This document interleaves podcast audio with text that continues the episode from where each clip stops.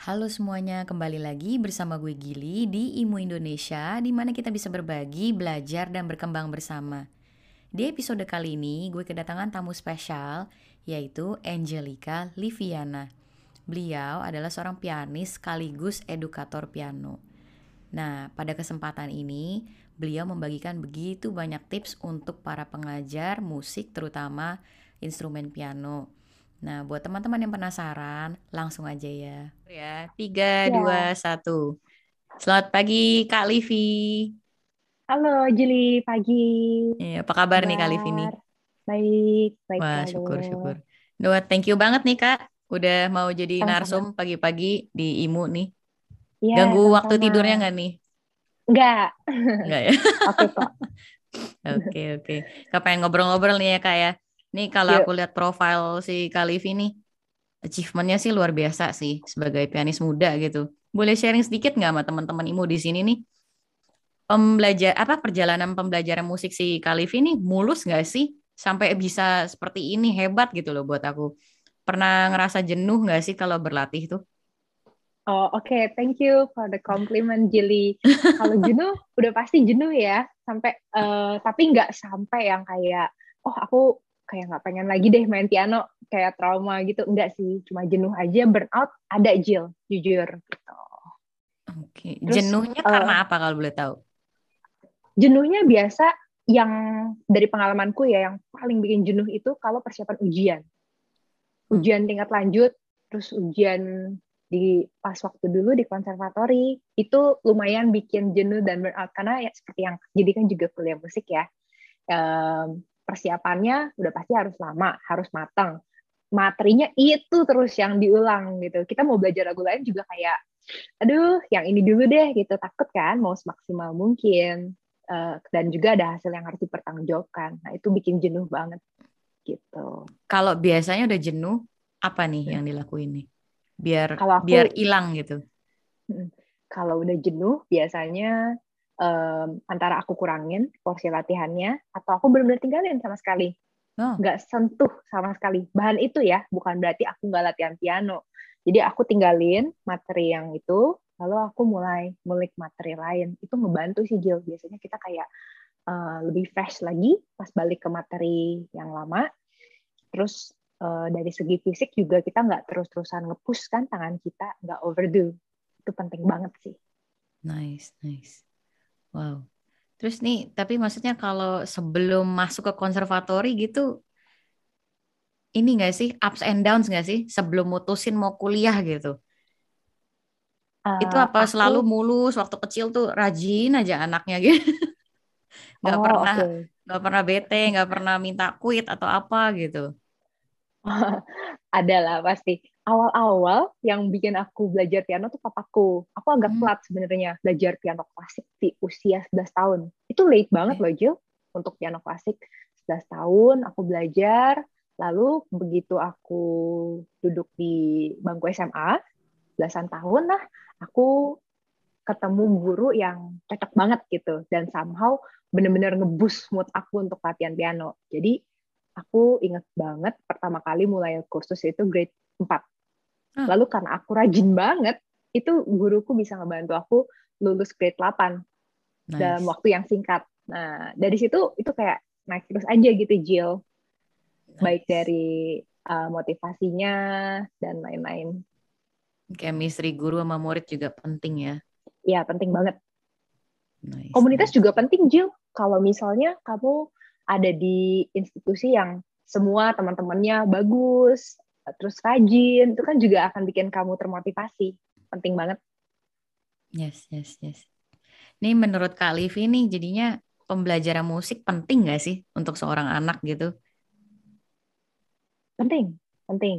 Kita udah apa nih yang penting denger, kita udah sering denger banget ya manfaatnya macam-macam uh, di internet, YouTube gitu udah banyak lah yang sharing benefit dari belajar musik bagi anak. Nah kalau dari pengalaman aku sebagai pengajar bagi anak-anak, aku ngerasa um, mereka jadi selain melatih pendengaran, visual, koordinasi fisik, mereka juga lebih kreatif, berani menyatakan pendapat, terus um, lebih bisa menganalisa lagu, lalu banyaklah hal penting lainnya. Hmm, jadi sebenarnya esensi dari pembelajaran musik tuh nggak cuma jago aja dong ya? Nggak, tapi di luar itu juga seperti melatih kedisiplinan. Karena kan seperti yang Gili tahu, kalau kita belajar musik, especially klasik, anak itu kita bimbing supaya teliti, membaca detail, segitu banyaknya. Terus dari itu belajar untuk lebih sabar, belajar menghargai, belajar mendengarkan. Itu pengaruhnya besar banget. Aku boleh sharing nggak, Jill? Boleh, Ada boleh. muridku, jadi tadinya itu dia sulit konsentrasi, sulit fokus. Benar-benar um, span of concentration-nya tuh pendek sekali. Lalu semenjak dia rajin latihan piano, terus perlahan ya tapi nggak langsung sedikit demi sedikit ibunya cerita kalau ternyata di sekolah dia juga mengalami perkembangan kemajuan uh. jadi lebih fokus tahunya dari mana gurunya kan pasti kirim report kan ini anak ini uh, lebih bisa tenang wow. saat mengikuti online kelas lalu lebih berhati-hati biasa kan kalau anak-anak ngerjain soal suka terburu-buru nah ini dia lebih berhati-hati efeknya nice. banyak sih Gil Hmm. Wow, itu uh, perubahannya kan signifikan tuh. Ya. Mm-mm. Ini ini pasti relate banget sama teman-teman. Uh, kerja sama Kak Livi sama orang tuanya itu gimana kira-kira? Biar anaknya sampai bisa apa mengalami perubahan yang signifikan dari gak fokus jadi bisa fokus sampai kayak gini. Oh, yang pasti komunikasi harus berjalan dengan baik jadi misalnya uh, aku setiap habis selesai kelas, aku akan kirim catatan kayak ah. notes lah tentang si anak hari ini belajar apa, progresnya bagaimana, apa saja yang kurang.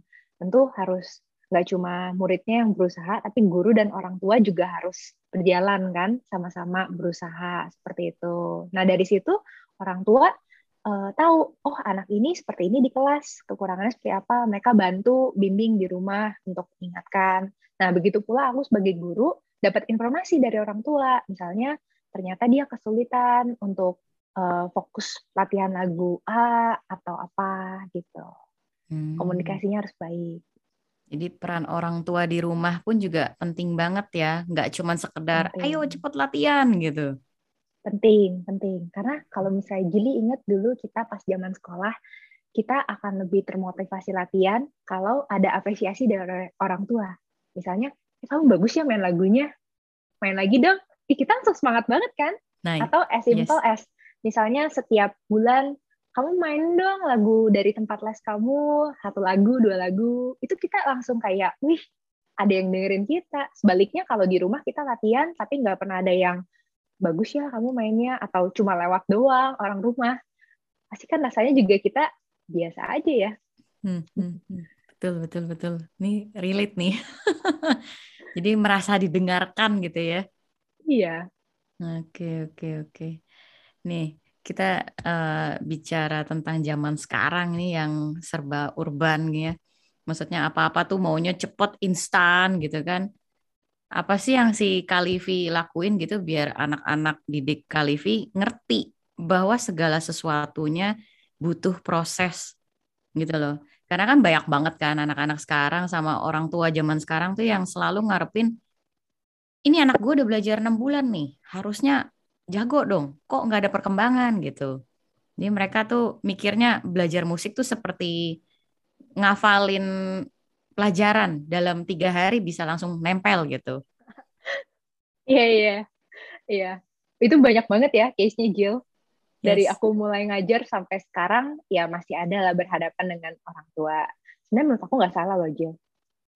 Benar-benar menurut aku jujur nggak salah. Karena kan setiap orang tua mungkin mereka nggak cuma pengen anaknya maju dengan sangat cepat di bidang musik ya, tapi di bidang lain. Misalnya um, olahraga.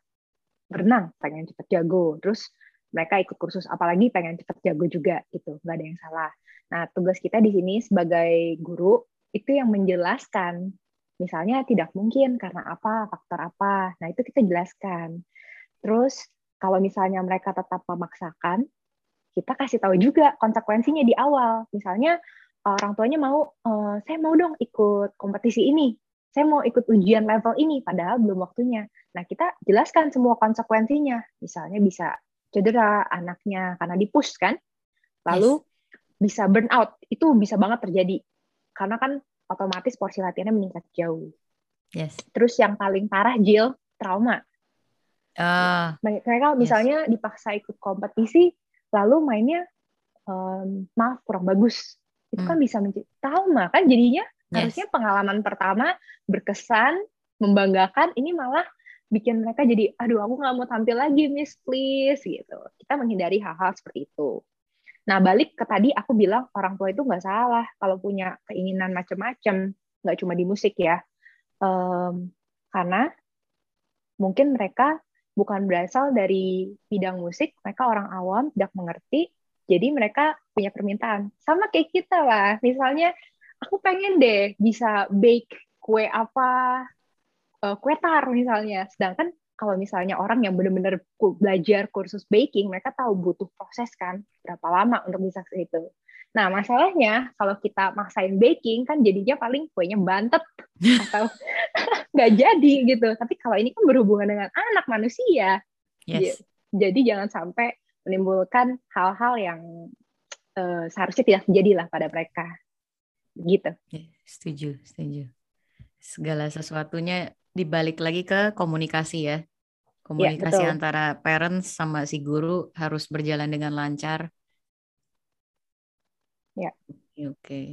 nah Kalivi ini kan kalau aku lihat dari profilnya sekaligus edukator terus performer juga dan lumayan aktif ya Nih gimana sih cara ngelatih balancing antara ngajar sama berlatihnya? Nggak burnout gitu? Soalnya kan ngajar kan perlu ngadepin si krucil-krucil banyak gitu kan. Belum lagi kalau apa latihan tuh harus berjam-jam gitu biar performnya maksimal gitu. Gimana tuh kak? Oke, okay. uh, eh, burnout pernah banget. Ada beberapa fase dalam hidup aku yang aku benar-benar ngerasa burnout capek banget. Lebih ke energinya ya, mental bukan fisik. Uh, lalu, tapi jujur untuk saat ini karena prioritas utama adalah mengajar, jadi porsi latihan aku menurun drastis, Jill. Gitu. Hmm. Cuma kalau misalnya aku bisa inget-inget dulu waktu aku harus banyak mengajar, ada performance juga gitu. Aku dulu uh, setiap hari aku selalu udah cek berapa jam waktu yang tersisa untuk latihan gitu.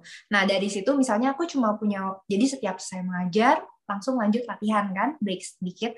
Nah aku dari situ lihat, um, misalnya aku hanya punya dua jam, sedangkan materi yang harus aku latih ada empat misalnya. Nah aku bagi, jadi dua jam berarti satu materi hanya punya 30 menit maksimum.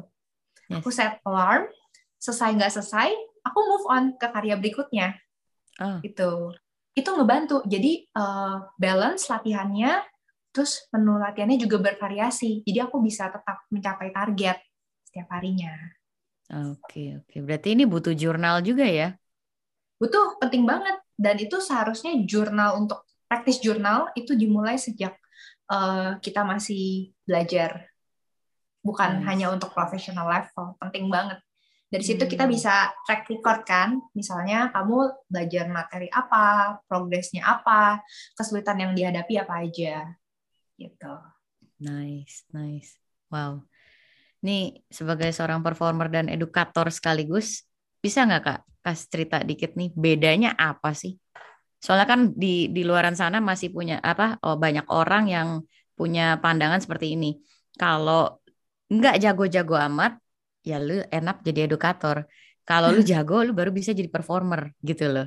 Kira-kira gimana nih kak?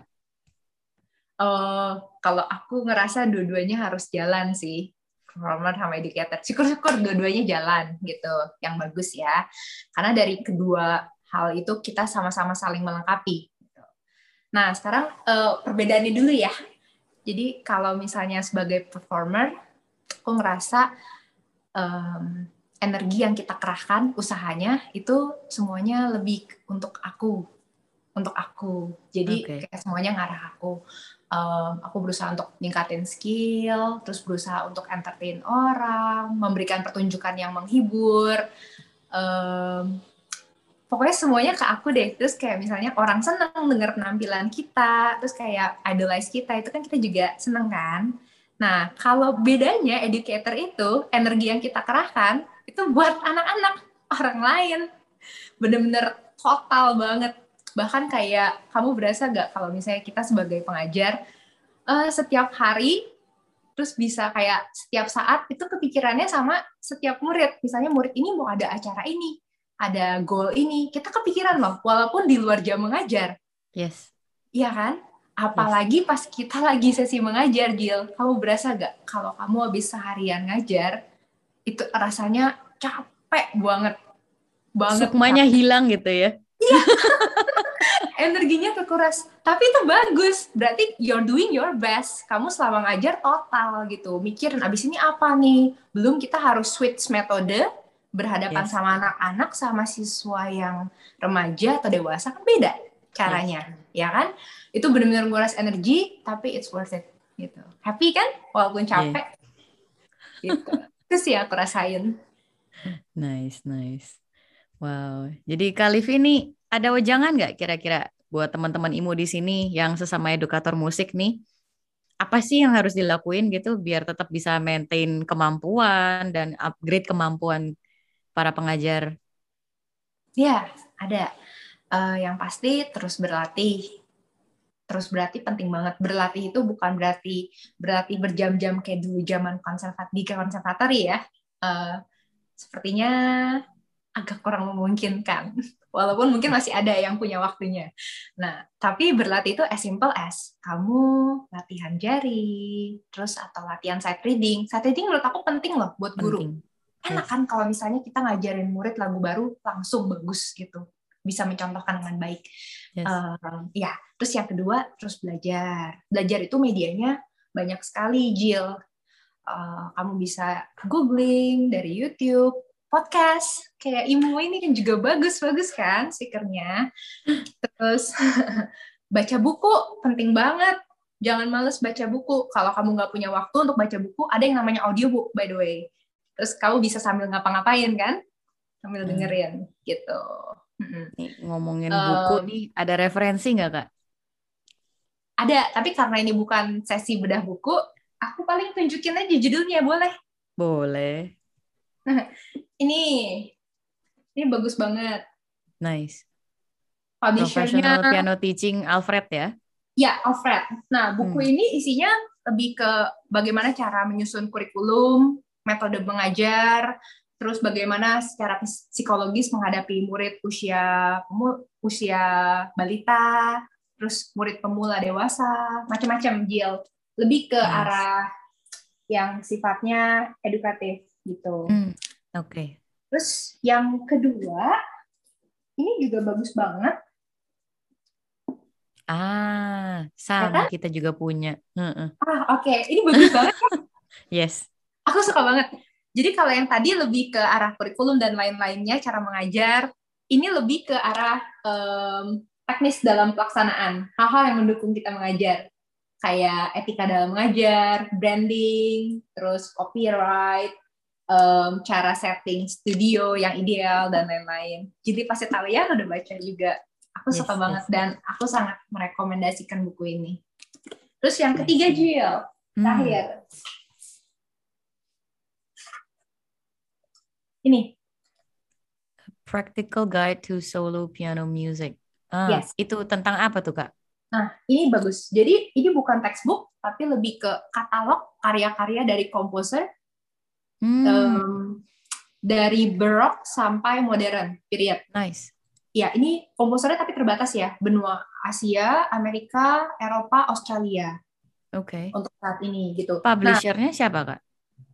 Publishernya apa ini? Cuma hmm, simbol doang. Ah oke, okay. mungkin nanti aku tulis deh oh. di ini nanti.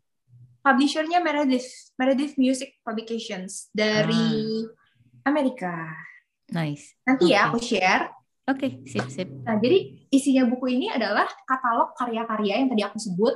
Terus bagusnya lagi di setiap tabel karya itu, uh, di setiap kolom mereka menuliskan level. Jadi ada level sistemnya misalnya karya ini level 1, level 2, Mereka ada empat level 1 sampai 4.